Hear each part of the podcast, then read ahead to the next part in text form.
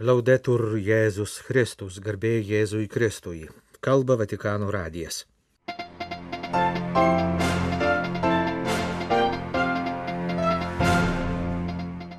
Popiežiaus namų pamokslininko antroji gavėnios meditacija. Ką reiškia evangelizuoti? Pirmadienį sukankančių išrinkimo dešimtųjų metinių progą popiežius Pranciškus davė interviu Šveicarijos televizijai. Šventojo sosto atstovas Junktinių tautų organizacijoje dalyvavo debatuose apie moterų teisės. Pastarosiomis dienomis suintensyvėję bombardavimai sukėlė naują pabėgėlių iš Ukrainos bangą. Bažnyčia Vokietijoje pasmerkė išpolį prieš Jehovos liudytojų bendruomenę. Ką reiškia evangelizuoti? Apie tai buvo kalbama popiežiaus namų pamokslininko kardinolų Raniero Kantalamesa antrojoje gavėnios meditacijoje, kurios penktadienio rytą Vatikano audiencijų salėje klausėsi popiežius Pranciškus, Romos kurijos vadovai ir darbuotojai. Nuo Pauliaus VI Evangelijų Nunciandi iki Pranciškaus Evangelijų Gaudium evangelizacijos tema yra popiežių magisteriumo dėmesio centre. Pasak pamokslininko, norint atsakyti į klausimą, kasgi yra evangelizacija, reikia atsigręžti į šventąjį Paulių. Tai yra į Kristaus skelbėją, kuris pirmasis pavartojo graikišką žodį evangelija ir pavertė jį kanoniniu krikščionių kalbos terminu. Jei norime, kad evangelizavimo pastangos būtų sėkmingos, turime aiškiai suprasti esminį krikščioniškojo skelbimo brandolį. Pati geriausią apibrėžimą Šventasis Paulius pateikia savo laiško romiečiams pirmuosiuose trijuose skyriuose. Juose apaštalas atsako į kelis esminius klausimus - kaip nuodėmė nulėmė žmonijos padėtį, kaip iš jos išeiti, tai yra kaip per tikėjimą esame išgelbėjami ir tampame naujų kūrinių. Senajame testamente girdime Mozę šaukiant tautai - žinok, kad viešpats tavo Dievas yra Dievas Ta pati kartoja ir psalmininkas. Žinokite, kad viešpats yra Dievas, jis mus sukūrė, mes esame jo. Nuodėmė iš esmės yra nekas kita, kaip šio žinojimo neigimas. Tai mėginimas ištrinti begalinį skirtumą tarp žmogaus ir Dievo. Tikėjimo istorijoje šis neigimas pasireiškė stapmeldyste - kūrinio, o ne kūrėjo garbinimu. Šiandien ši senoji nuodėmė įgavo naują pavydalą Tai jau nemėginimas ką nors kitą ar save patį pastatyti į Dievo vietą, bet paprasčiausiai Dievo vaidmens neigimas. Tai nihilizmas, niekas vietoje Dievo. Apaštalas Paulius savo laiške romiečiams vardyje, kokius vaisius duoda Dievo atmetimas.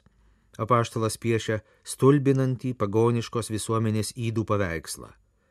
Tokioje pražūties būklėje atsidūrė visa žmonija, o ne vienas ar kitas asmuo ar tauta. Tačiau apaštalas rodo ir išeitį iš tokios padėties. Išeitis tai Evangelija. Pamokslininkas paaiškino, kad Pauliaus siūloma išeitis tai ne kova už visuomenės moralinį atsinaujinimą ir mėginimas pašalinti įdas. Evangelizacija, pasak Šventojo Pauliaus, prasideda ne nuo moralės, bet nuo kerigmos.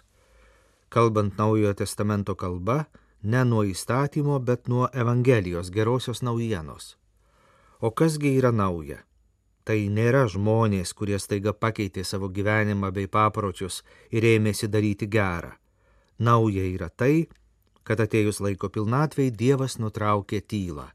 Pirmasis ištiesė ranką nuodėmingam žmogui. Kardinolas Kantalamėse patikslino, kad jis čia neketina gilintis į nuteisinimo tikėjimų doktriną Ir Pauliaus intencija šiuo atveju yra ne aiškinti doktriną, bet pristatyti asmenį. Mes esame išgelbėti ne kokią nors neapibrieštą malonę, bet Jėzaus Kristaus malonę. Mes esame nuteisinti ne neapibrieštų tikėjimu, bet tikėjimu į Jėzų Kristų. Pamokslininkas priminė popiežiaus pranciškaus apaštališkojo paraginimo Evangelijį Gaudium pradžią, kurioje sakoma – Kviečiu kiekvieną krikščionį, kad ir kokioje vietoje ir situacijoje jis būtų, šiandien atnaujinti savo asmeninį susitikimą su Jėzumi Kristumi. Kasgi yra asmeninis susitikimas su Kristumi? Pasak kardinolo tai kažkas panašaus į asmeninį susitikimą su žmogumi, kurį daug metų pažinojome tik iš nuotraukos. Ta galima palyginti ir su žmogaus įsimylėjimu. Galima viską žinoti apie moterį ar vyrą, koks vardas, kiek metų, kokius mokslus baigė, tačiau kai vieną dieną įsižiebia kibirkštis ir žmogus įsimyli, tuomet viskas pasikeičia. Pasak pamokslininko, ši metafora turėtų paguosti ir padrasinti tuos, kurie instituciškai dirba evangelizacijos srityje. Ne viskas priklauso nuo jų. Tačiau visų pirma nuo jų priklauso, ar bus sudarytos sąlygos, kad ta kibirkštis įsižiebtų ir pasklistų. Apkalbos yra klastinga lyga, ardo šeimas, sako popiežius interviu šveicarų radijui ir televizijai RSI popiežiavimo jubiliejaus proga įrašytas pokalbis bus transliuojamas sukakties išvakarėse kovo 12 dieną. Pranciškus prisipažino, kad jam buvo nejauku sėstis į invalido vežimėlį, o koks bus pomirtinis gyvenimas, jis neįsivaizduoja. Te prašo švenčiausiosios mergelės Marijos, kad būtų šalia. Popiežiaus paprašyta pasidalyti mintimis apie pontifikato prioritetus - karą Ukrainoje, Europą, santykius su pirmtaku Benediktu XVI, kuris lydėjo Pranciškų kaip popiežius emeritas, apie bažnyčią apimančią visus ir kitomis temomis. Pranciškus prisipažino, kad jaučia senatvę, sumažėjo fizinis atsparumas, kelio bėda buvo kaip pažeminimas, bet dabar taisosi. Jis nežada trauktis iš pareigų, tačiau pasidalijo, kokiomis sąlygomis sutiktų taip daryti. Dėl išsisėmimo, kliudančio aiškiai matyti, kas yra kas, aiškumo trūkumo situacijoms vertinti, galbūt ir dėl fizinės būklės problemų. Visus apimanti bažnyčia reiškia, kad ne vienas neatmetamas Kviestiniams neatėjus Jėzus įsakė eiti į kryškelę ir į puotą kviesti visus praeivius, visus - ligonius, gerus, blogus, mažus, didelius, turtingus ir vargšus. Mes privalome atminti, kad bažnyčia yra namai ne kai kam. Bažnyčia neišranki, šventoji ir ištikimoji Dievo tauta susideda iš visų. Vargstantieji yra Jėzaus pamiltieji bet Jėzus netmeta turtingųjų, pažymėjo Romos vyskupas. Kalbėdamas apie karą Ukrainoje ir pakartojęs, kad vyksta pasaulinis karas, popiežius sakė, jog šiandien niekas negali paneigti, kad tai nėra pasaulinis karas. Įsivėlė visos didžiosios galybės. Ukraina yra kovos laukas. Ten kovoja visi. Ten imperialistiniai interesai ne vienos Rusijos imperijos, bet ir kitur esančiųjų imperijų. Būtent imperijos į antrą vietą nustumė tautas, sakė popiežius. Jis pakartojo, kad Ukrainoje išbandomi ginklai, jais prekiaujama. Pradedamas karas, parduodami ginklai, išbandomi nauji. Jei metams būtų nutraukta ginklų gamyba, būtų išspręsta bado pasaulyje problema, pridūrė popiežius, paminėdamas ir kitus pasaulyje vykstančius karus ir nuo jų kenčiančius žmonės - Jemene, Sirijoje, Mienmaro rohinijos. Kodėl reikia šių kentėjimų? Karuose nėra Dievo dvasios, netikiu šventais karais, pažymėjo popiežius. Savo pirmtaką gruodžio 31-ąją mirusį Benediktą XVI Pranciškus pavadino Dievo žmogumi ir papasakojo, kad prieš mirtį jį lankė, tačiau jis jau vos įstengė kalbėti. Jis buvo šviesaus proto, uždavė klausimų, teiravosi kaip sekasi, kokios problemos, apie viską buvo informuotas. Prašydavo patarimų, jis pasidalindavo savo nuomonę noriai, išmintingai. Benediktas XVI buvo geras Dievo žmogus. Jį labai gerbiu ką popiežius mano apie Europą.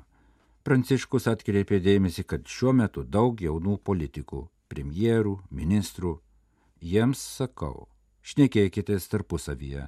Vieni kairieji, kiti dešinieji, tačiau tiek vieni, tiek kiti esate jauni, galite šnekėtis. Dabar metas jauniems žmonėms kalbėtis.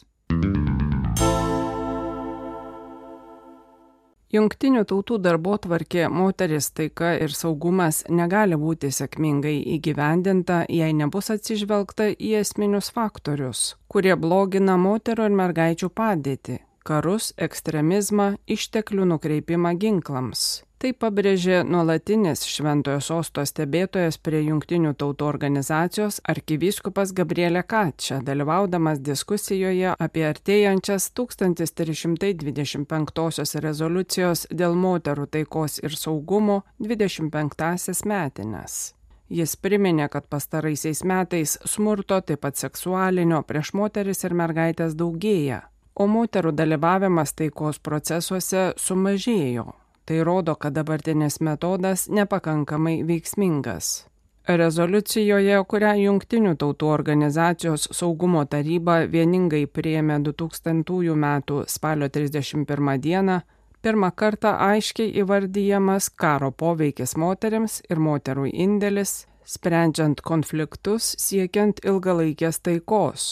Numatomi keturi tikslai - pripažinti esminį moterų vaidmenį konfliktų prevencijoje ir sprendimuose, numatyti didesnį moterų įsitraukimą į taikos palaikymo ir nacionalinio saugumo procesus. Pasak arkivyskupo, artėjant 25-osioms rezoliucijos metinėms, prasminga peržiūrėti veiksmingiausią būdą, kaip atsiliepti į specifinius moterų poreikius konfliktų atveju ir jų svarbų vaidmenį vykdant konfliktų prevenciją ar ieškant sprendimo būdų.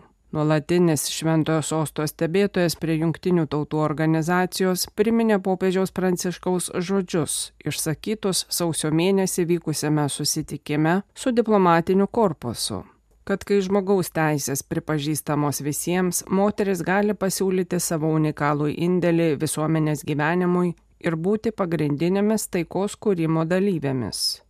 Tačiau, pastebėjo popiežius, daugelie šalių moteris laikomos antrarūšėmis pilietėmis, patiria smurtą, prievartą, ribojamos jų teisės į mokslą, darbą, sveikatos priežiūrą bei kitų būtiniausių poreikių patenkinimą.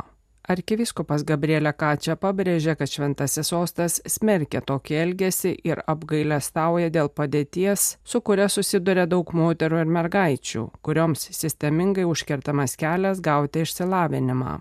Arkiviskupas priminė, kad neseniai vykusio apaštalinio vizito Kongo demokratinėje Respublikoje ir Pietų Sudane metu popiežius pabrėžė moterų potencialą perkeisti smurtinės visuomenės į taikes, kai jos yra ginamos, apsaugomos, gerbiamos, vertinamos.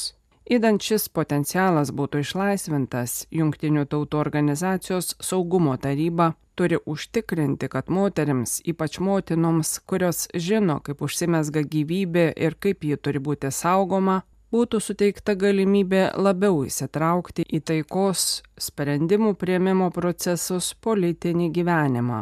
Esminiai principai, kurie prisideda prie blogėjančios moterų ir mergaičių padėties, yra ne tik konfliktai, kaip kad nepakeliamas karas Ukrainoje ar dažnai pamiršti konfliktai Afrikoje bei artimuosiuose rytuose, tačiau ir ekstremizmas, išteklių nukreipimas ginklams, įskaitant branduolinius ginklus.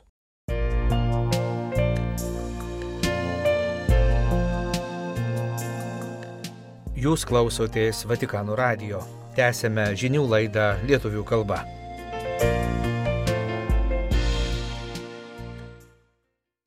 Po naujos agresyvių Rusijos bombardavimų Ukrainoje į kaimininę Moldavą plūstelėjo pabėgėlių banga, pasak Kišiniovo katalikų viskupijos vikaro, iš Ukrainos per palankos maitinę bėga daugiausiai moterys su mažais vaikais.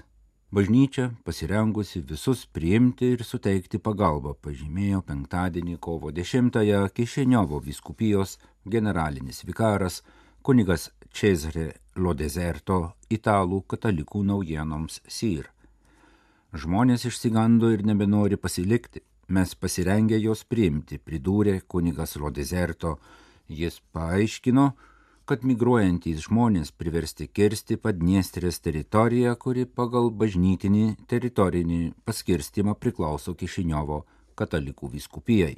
Vietinė bažnyčia atidžiai stebi įvykius Padniestrėje, kur veikia šešios katalikų parapijos. Padniestrė mums visą laiką yra nežinomybė, bet koks agresyvus gestas gali būti palaikytas karo skelbimu, tačiau katalikų parapijos dirba normaliai, o sekmadienį į Tiraspolį su pastoraciniu vizitu lankysis Kišiniovo vyskupas Antonas Kosa, pasakojo vyskupijos generalinis vikaras. Bent aštuoni žmonės žuvo ir tiek pat kitų sužeista, kai kurie sunkiai ketvirtadienio vakarą per užpuolimą Hamburgo Jehovos liudytojų centre. Užpuolimas įvyko Jehovos liudytojų maldos namų karalystės salėje. Manoma, kad tarp žuvusiųjų yra ir užpuolimą rengęs žmogžudys, turbūt pakrikusios psichikos asmuo. Taip pat pranešama, kad tarp žuvusiųjų negimęs kūdikis. Hamburgo katalikų arkivyskupija Šiaurės Vokietijoje dar ketvirtadienio vakarą pakvietė tikinčiuosius melstis už aukas ir jų artimuosius. Hamburgo arkivyskupija per socialinius tinklus informavo, kad Hamburgė šiauraus nusikaltimo aukomis tapo keli žmonės. Daug kas dar neaišku, esame sukrėsti. Kartu meldžiamės. Mintimis ir maldomis esame su tais, kurių gyvenimai pasikeitė per trumpą akimirką, yra sužeisti ir kuriems buvo atimtas gyvenimas. Hamburgo policija negalėjo paaiškinti, kas paskatino užpoliką, užpolimo dinamika tebėra tyriama. Jehovos liudytojai save laiko krikščioniškai orientuota religinė bendruomenė, jai priklauso daugiau kaip 8 milijonai žmonių visame pasaulyje, o Vokietijoje apie 170 tūkstančių tikinčiųjų. Alžyro katalikų arkivyskupui, prancūzui Dominikonui Žanui Polui Vesko suteikta Alžyro pilietybė. Šis faktas turi ne tik simbolinę reikšmę. Būdamas Alžyro piliečiu, arkivyskupas galės vadovauti pagal šalies įstatymus registruotoms katalikiškoms institucijoms. Valstybės ir bažnyčios santykiai Alžyre yra gana geri, tačiau kartais pasitaiko ir nesusipratimų bei įtampos. Tad pilietybės vyskupui suteikimas suprantamas ir kaip ženklas, kad bažnyčia Alžyrė yra pripažįstama ir priimama, kad ji yra neatsiejama šalies visuomenės dalis. 61 metų arkivyskupas Žanas Polas Vesko yra kilęs iš Lyono, anksčiau jis buvo Prancūzijos Dominikonų provinciolas, 2012 metais jis tapo Alžyro Orano vyskupu, o 2021 sostinės Alžyro arkivyskupu. Jau tada jis pareiškė, kad nori pasilikti šioje šalyje iki gyvenimo pabaigos.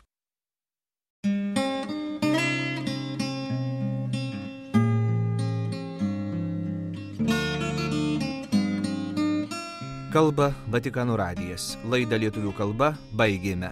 Garbėjai Jėzui Kristui, laudetur Jėzus Kristus.